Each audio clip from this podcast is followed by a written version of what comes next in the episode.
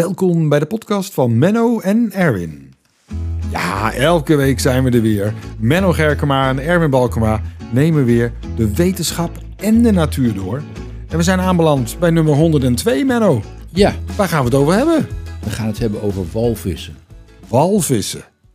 Ja, De grootste zoogdieren ter wereld, ja. volgens mij. Nou, de grootste dieren ter wereld. Oh, dieren ook. Ja, de blauwe vinvis is de kampioen eh, van wat ooit op aarde geleefd heeft. Dat is wel eh, redelijk bijzonder. Ja, 170 ton, 30 meter lang. zo. Ja, dat eh, blauwe vinvis. Ik, ja, ik kom erop doordat ik, ik ben al tijden, lees ik, extreem geboeid in een, een boek dat heet The Rise and Reign of the Mammals.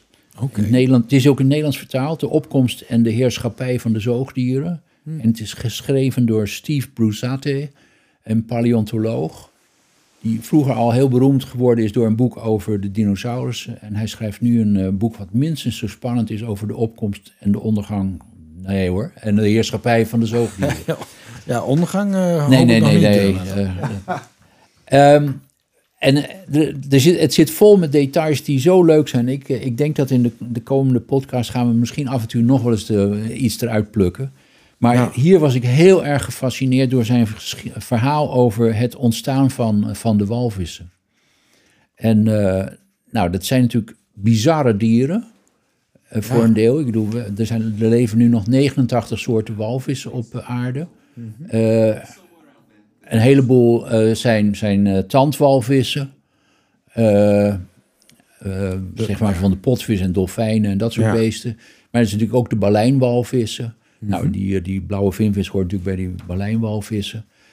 Ja, het zijn dus dieren die geheel en al gespecialiseerd zijn op het leven in zee. Ja.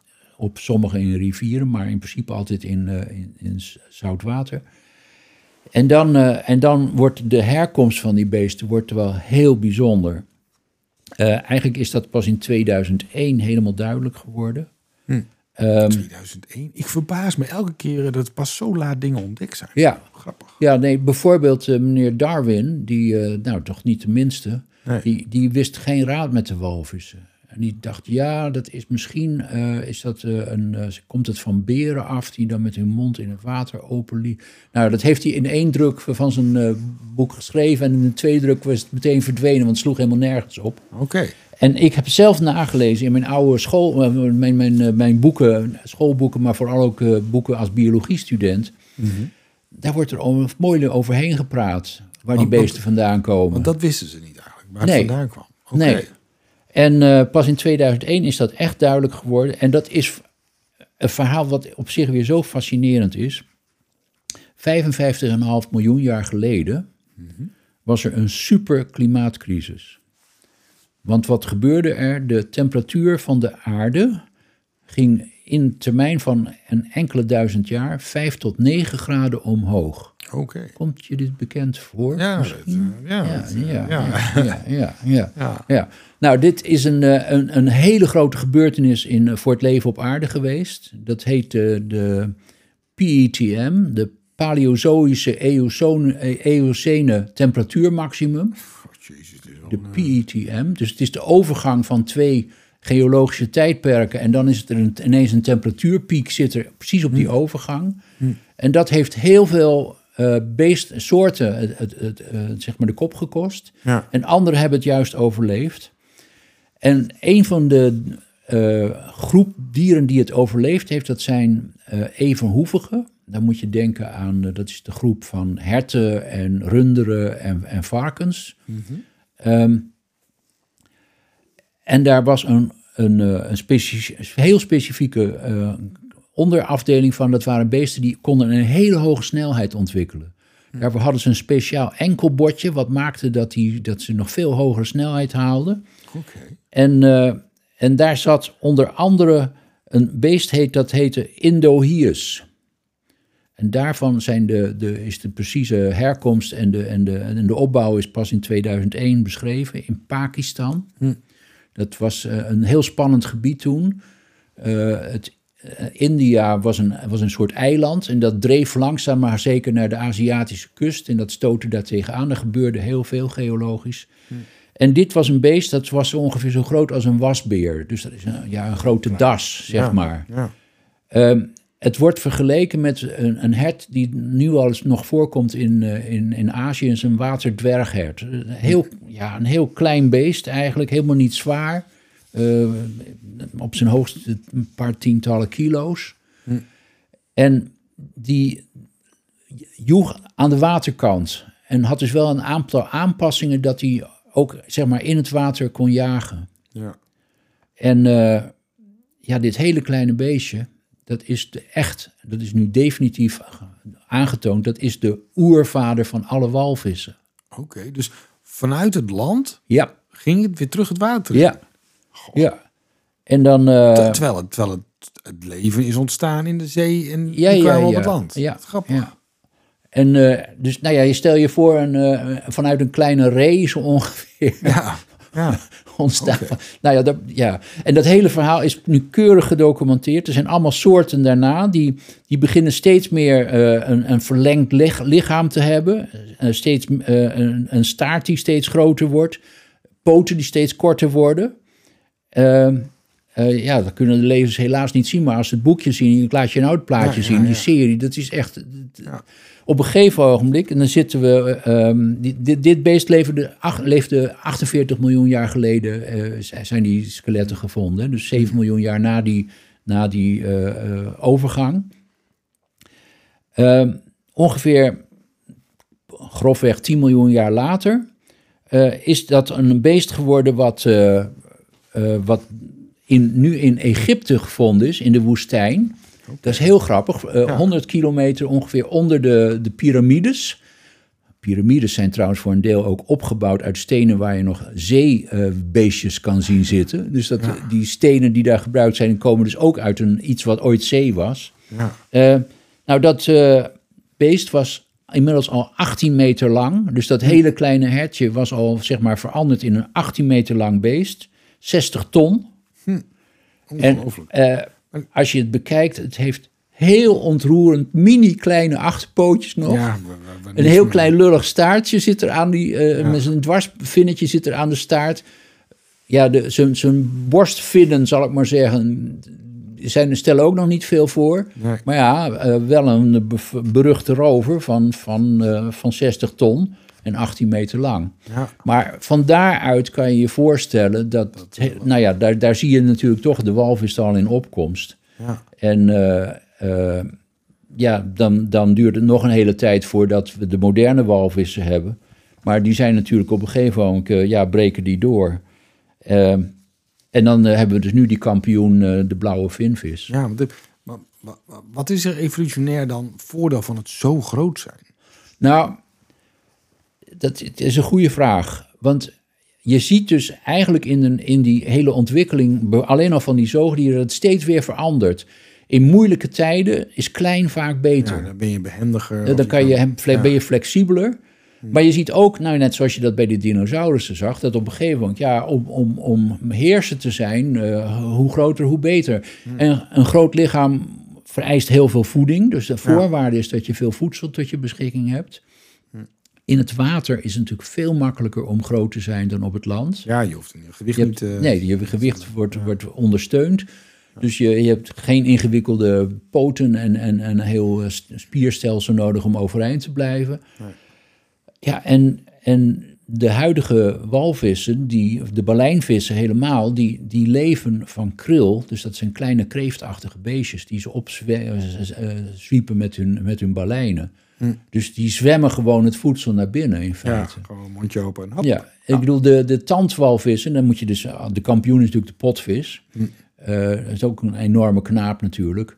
Eh, die hebben het al veel moeilijker. Ja, die moeten Eh, echt vissen. want die, die moeten, nou ja, die, die, die zijn in groot gevechten met de enorme inktvissen. Maar die moeten natuurlijk enorm veel prooidieren vangen, echt met hun tanden. ja. Wat je dus ook heel grappig is, die tandwalvissen, die hebben dus weer een heel ander gebit gekregen dan de, de zoogdieren daarvoor.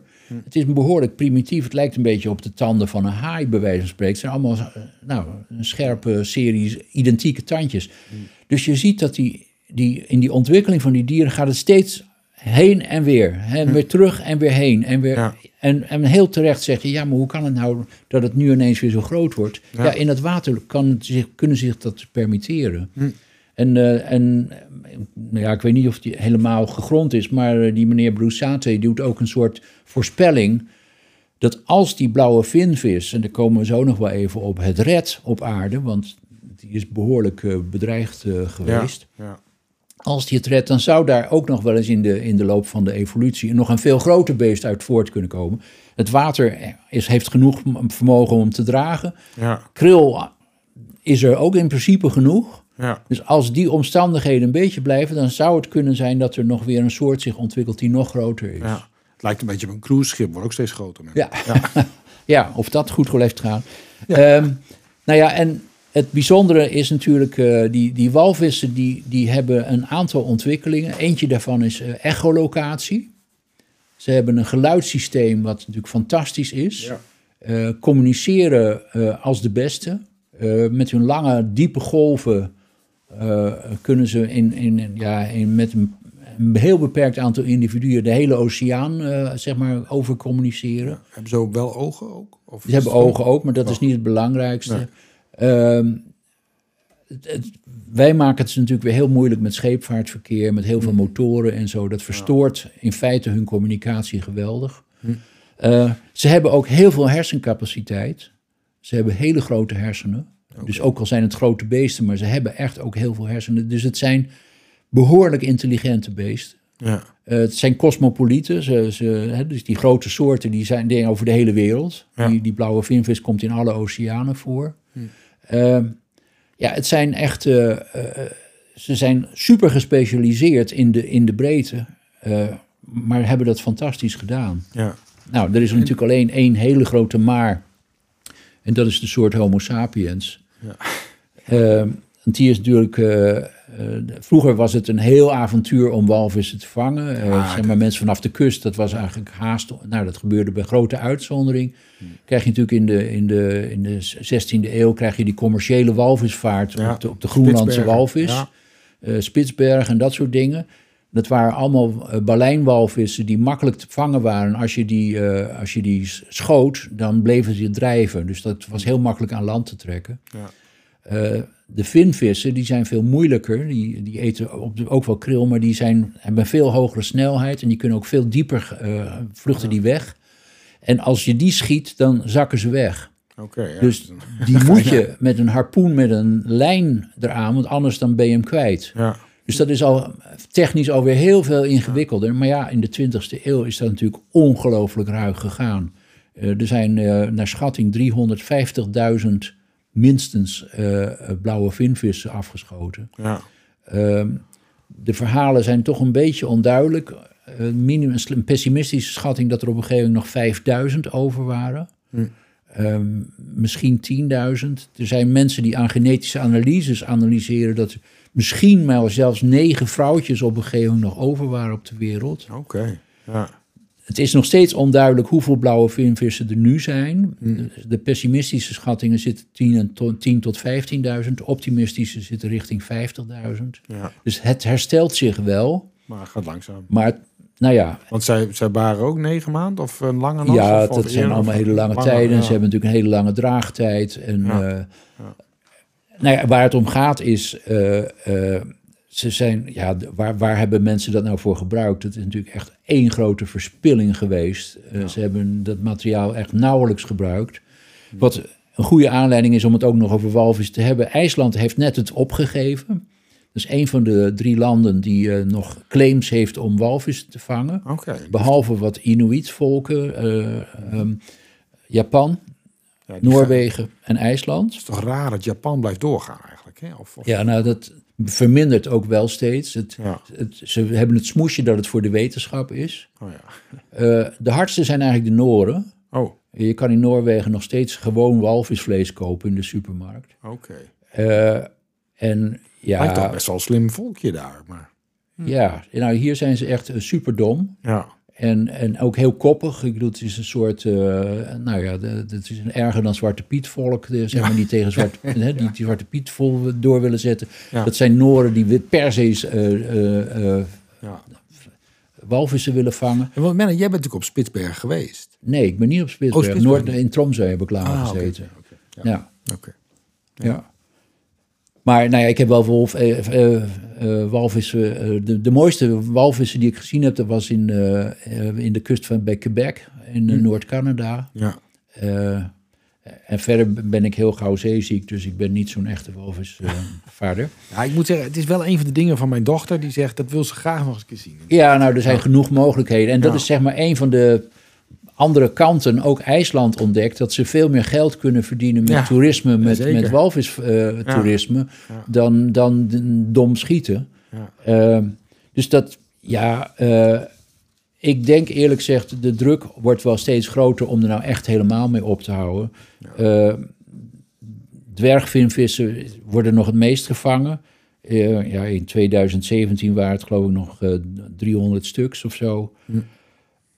Ja, waar, waar, het, waar het allemaal goed voor is, Nou, eh, met het, het slaat eigenlijk nergens op. En als je je verdiept in die geschiedenis van die beesten en, en wat voor positie ze innemen in het systeem, zijn ook allemaal berekeningen over hoeveel CO2 er opgeslagen zit in walvis. Dat schijnt heel Oh. indrukwekkend te zijn. Ja. Ehm, ja, eigenlijk rechtvaardigt helemaal niks om, om daar nog mee door te gaan met die zinloze jacht daarop. We hebben het helemaal niet nodig. En eh, het, ja, het is een ontwikkeling, eh, zoals gezegd, van eh, 48 miljoen jaar. Van dat kleine Ja. hertje in Pakistan Ja. tot, eh, tot het grootste dier wat ooit op aarde geleefd heeft. En wat wij nu nog steeds eh, in principe kunnen zien. Ja, nou prachtig Menno. Ik wil er nog een kleinigheid aan toevoegen, want ik zat op Netflix een keer een documentaire te kijken met mijn zoon. En dat heet Life on Our Planet. En die neemt je heel mooi mee van ja, honderden miljoen jaren geleden hoe de wereld de hele tijd veranderde. En zij hebben het erover dat er wel vijf keer we bijna uitgestorven waren. En dat het elke keer weer andere soorten terugkomen. En ook een keer natuurlijk ja, dinosaurussen er zijn- die gewoon boem. Er zijn echt grote catastrofes Ja, geweest, en eh, zeker. dat, dat het in één keer heel koud werd. Ja. En dat hup, toen weer driekwart van de wereld Ja. eh, eruit Ja, was. zeker. En, en, Ja, Ja, nee, zeker. Er zijn, eh, ik bedoel, dat feit dat dat beschrijft die meneer Broussaat natuurlijk ook in dat boek. Wij hebben aan een catastrofe met een waarschijnlijk een komeetinslag te danken dat die dinosauriërs, het, eh, behalve de vogels, het loodje gelegd hebben. En dat is de opkomst geweest van de zoogdieren. Ja, ja, Ja. ongelooflijk. Nou, hartstikke mooi. Nou, we hebben een boek, gaan we erin zetten. En we hebben natuurlijk de serie dus eh, Live on Our Planet eh, van eh, Netflix. Mocht je er geïnteresseerd in zijn. En dit was de aflevering nummer 102. Vind je het nou leuk? Nou, stel ons dan een vraag. Dat kan in Spotify, kan ook een Apple Podcast, maakt niet uit. Of mail ons gewoon het erwin.bano.nl en wij gaan er op de volgende aflevering op in.